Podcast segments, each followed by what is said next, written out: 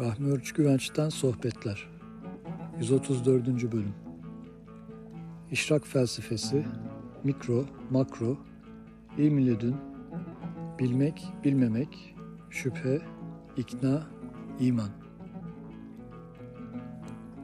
Rahmi Örç Güvenç'in 20 Mart 2011 tarihinde Ankara'da verdiği seminerin ses kaydının ikinci bölümü.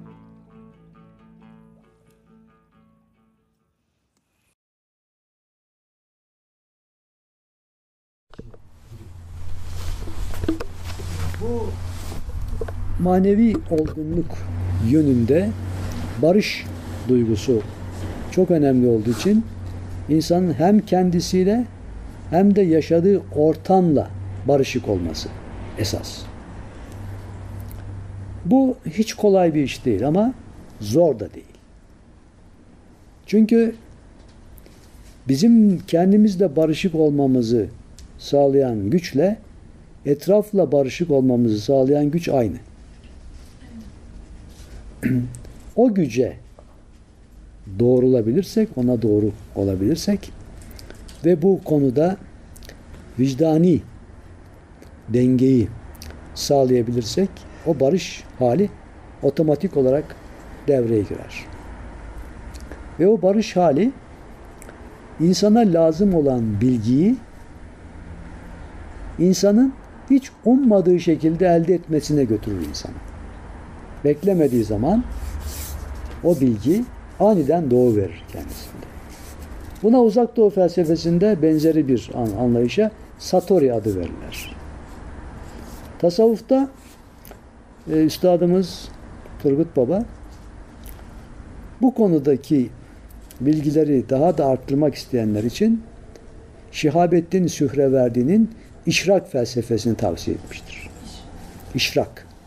İşrak sabah aydınlığı demek. Ama güneş doğduktan sonraki aydınlık. Mesela özel bir namaz vardır, işrak namazı diye. Çok az insan bilir onu. O güneş doğduktan sonra kılınan bir namaz. Çok özel bir namaz. O sabah aydınlığı gibi aydınlanma işrak felsefesi diye geçer. Hatta Hayakil'in Nur Nur heykelleri diye Sühreverdi Hazretleri'nin bir küçük kitapçığı vardır. Orada Rupert Sheldrake'in rezonans teorisine çok yakın bazı ifadeler de vardır o işrak felsefesinde. Nur heykelleri dediği zaman yaşama boyutlarını anlatır. O yaşama boyutlarını anlamak durumunda şöyle bir anlayışa varabilir insan. Bazen insanlar kendilerinde başkasının yaşadığını hissederler. Bir bakar ki davranışları ama o objektiviteyi yakalayabilirse kendisinin değil. Bunu bazı metafizik tetkikler anlayışı içinde obsesyon olarak tarif edenler vardır. Bunun bazı benzerini. Bazısında da e, şeyhte fani olmak, üstadda fani olmak diye anlayanlar vardır.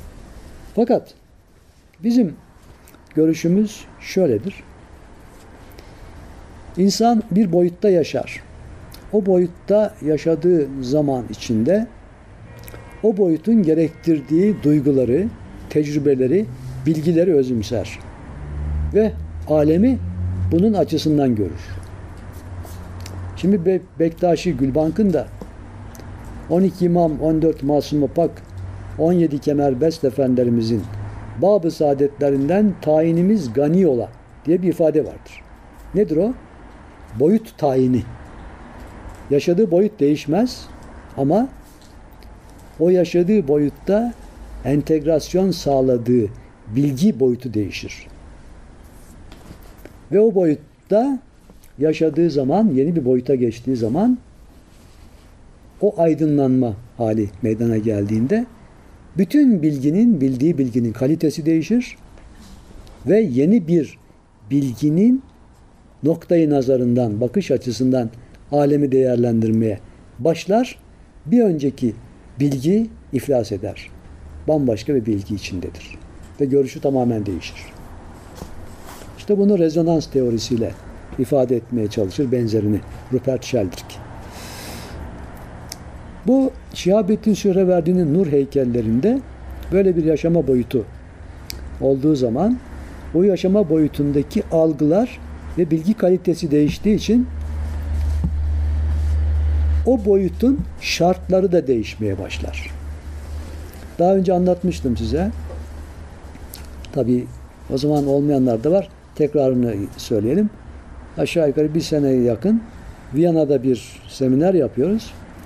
Reseptif müzik terapi, pasif müzik terapi uyguluyoruz. Acem Aşıran makamı yaptık. Makam bittikten sonra işte bu şekilde konuşuyoruz. Bir bayan var Rosvita diye. Rosvita ressam, çok iyi ressam, renkleri çok iyi tanıyan bir insan ve Ebru sanatçısı.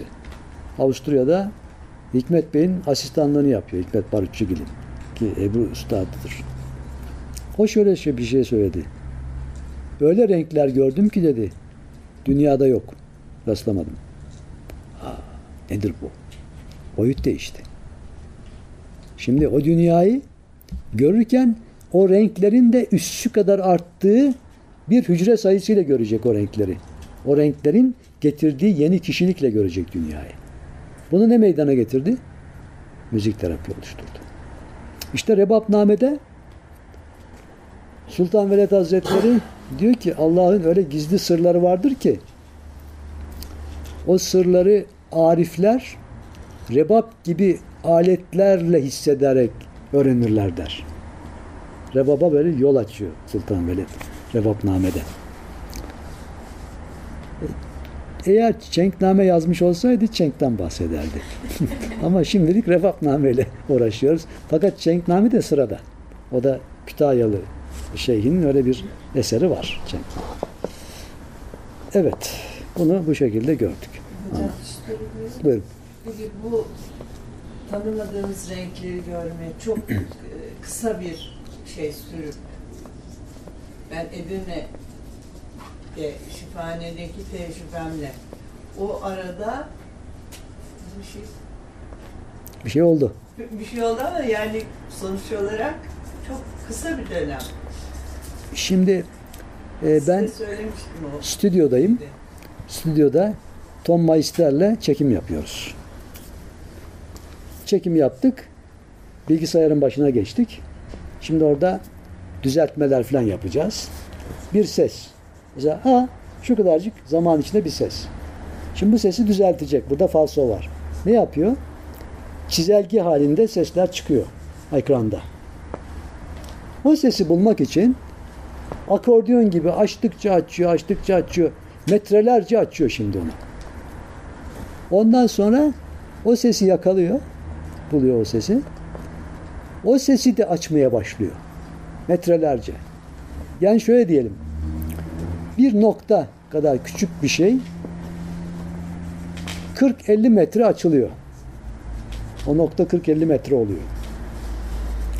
O bizim küçücük dediğimiz şey de aslında bir zaman boyutu var ve içinde kainatlar var.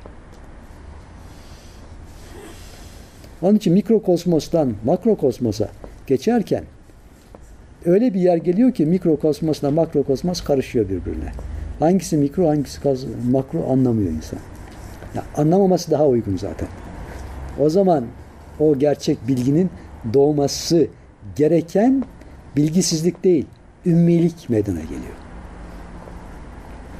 Bilmemezlik meydana geliyor. Onun için derler ki dergaha girerken ceketini kapıda asla gir. Niye? İçeri bilerek değil, bilmeyerek gir ki öğren diyorlar.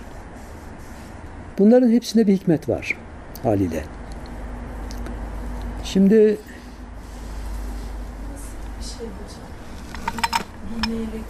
Şimdi onu sormak için Mesnevi'ye müracaat edelim.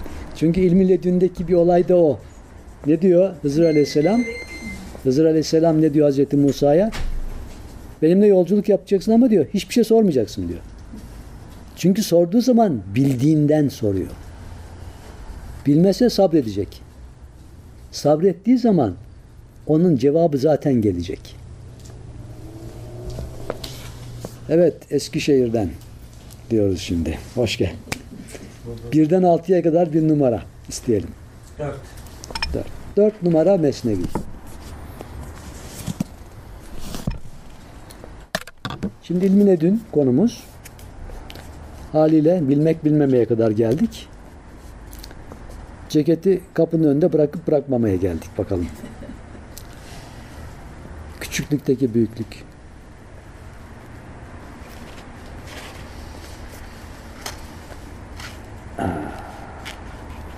Açtığımız sayfa 42-43.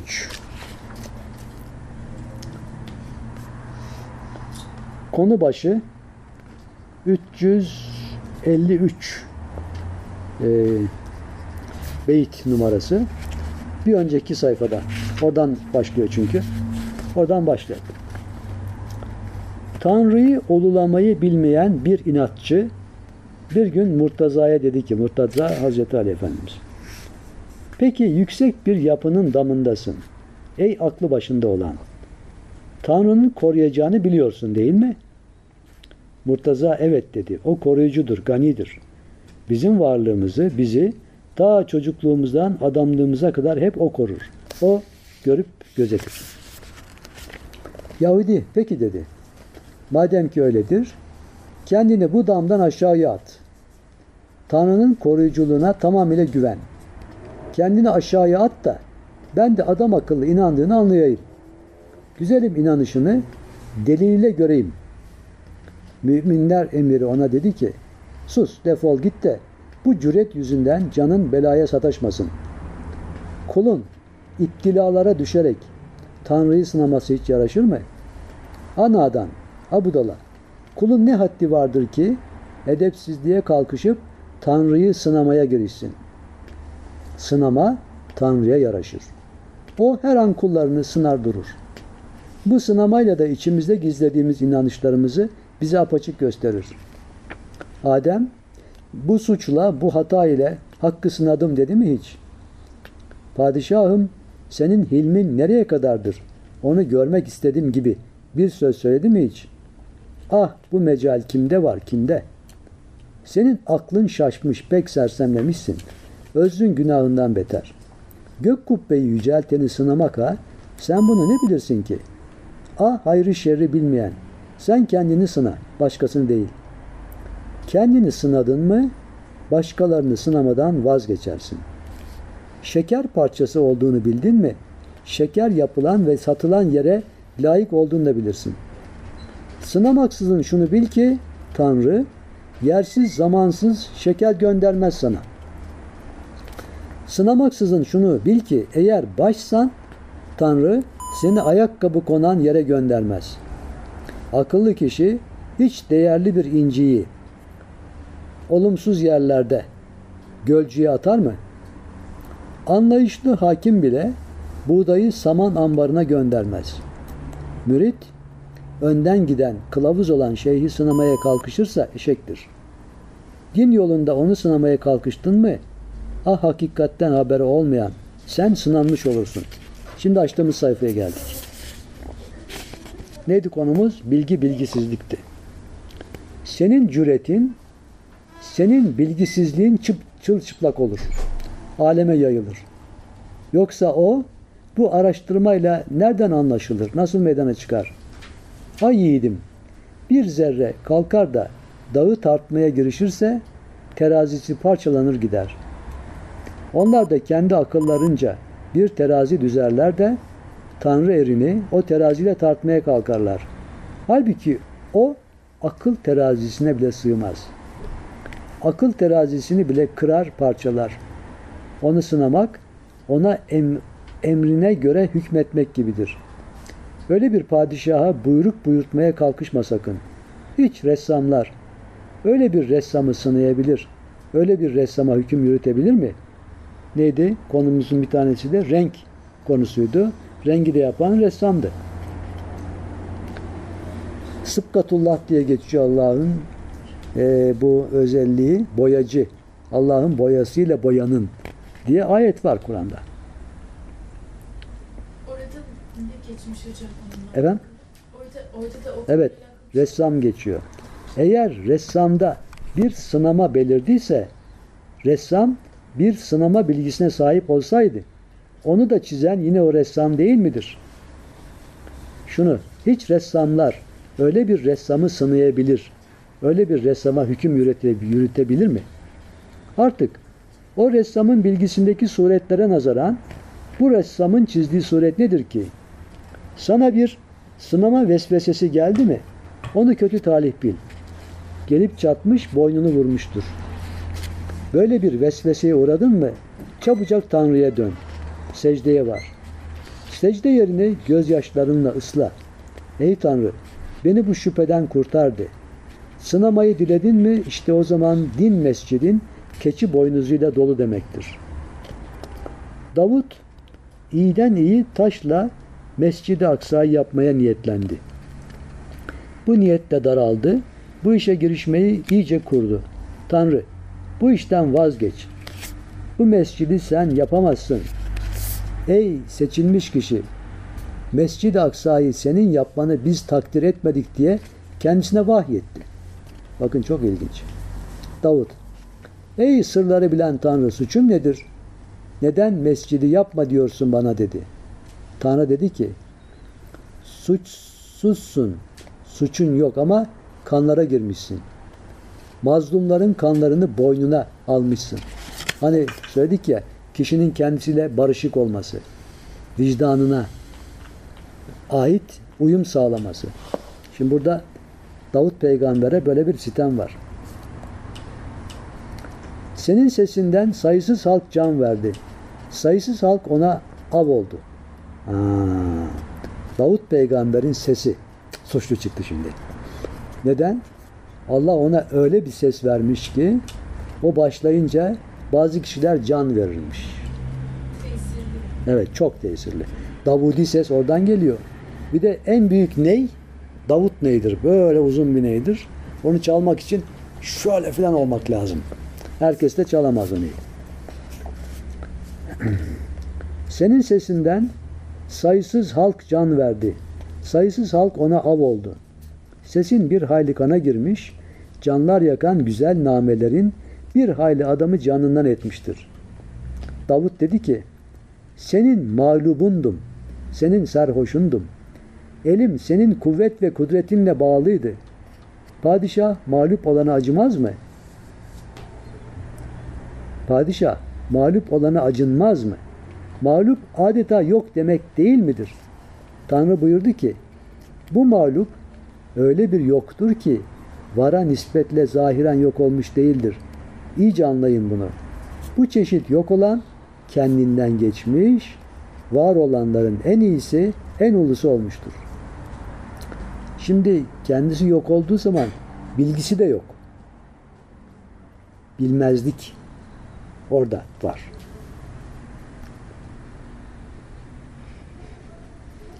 O Tanrı sıfatlarına nispetle yoktur. Fakat hakikatte ona yoklukta bir varlık vardır. Bütün ruhlar onun tedbirindedir. Bütün cesetler onun hükmündedir. İşte o yokluğa, o bilgisizliğe varan kişinin emrinde her şey. Bizim lütfumuza mağlup olan iradesiz, ihtiyarsız ve aciz kalmış değildir. O bizim sevgimizde ihtiyar sahibi olmuştur. Zaten ihtiyar yani irade ve iradenin sonu da budur. Yani insanın mevhum irade ve ihtiyarının bu makamda yok oluşudur. Zaten nihayet o mevhum varlıktan mahvol- mahvolmasaydı hiçbir ihtiyar ve iradeden lezzet alamaz, zevk bulamazdı. Dünyada ister yenecek bir lokma olsun, ister içilecek bir şey. Onun lezzeti lezzetten kesilmesinin feridir. Yani insan yediği içtiği şeylerin lezzetini kaybetmedikçe yiyeceği ve içeceği şeylerden lezzet alamaz. Maddi lezzetlerden kesilmedikçe manevi lezzeti bulamaz. Diye tamamlıyor. Son beyitte şöyle. Lezzetten geçip gerçi bütün lezzetlere aldırış etmez bir hale gelir ama hakikatte kendisi lezzet kesilir, lezzetten hiç ayrılmaz olur.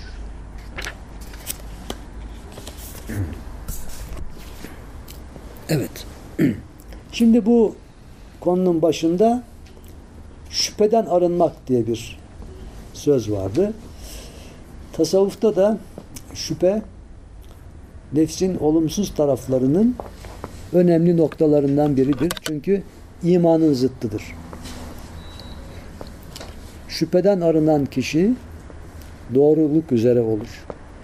Onun için şüpheden arınma yönünde yapılacak olan çalışmaların içinde imanı güçlendirme olmalıdır. İmanı güçlendirme ikna imkanlarının, delillerin artmasıyla mümkündür.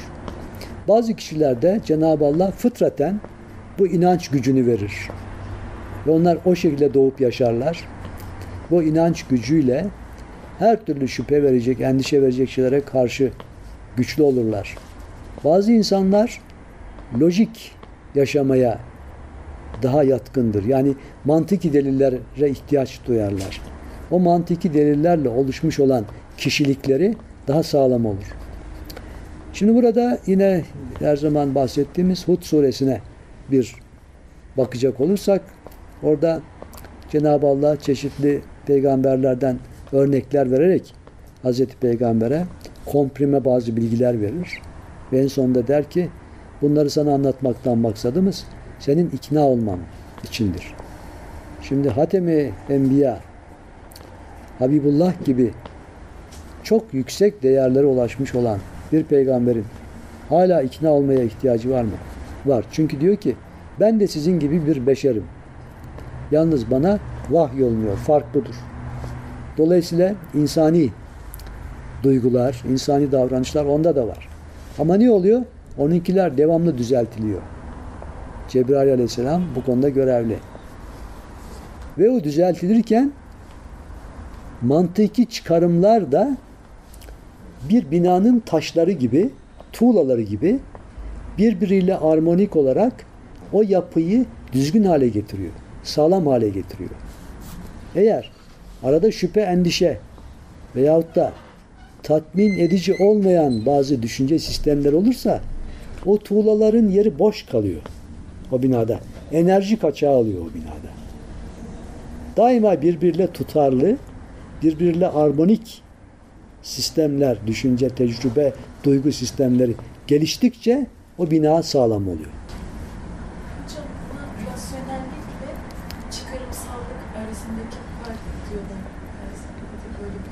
Çok güzel. Neden, niçinler şüphenin içindeki en önemli noktalardan biridir.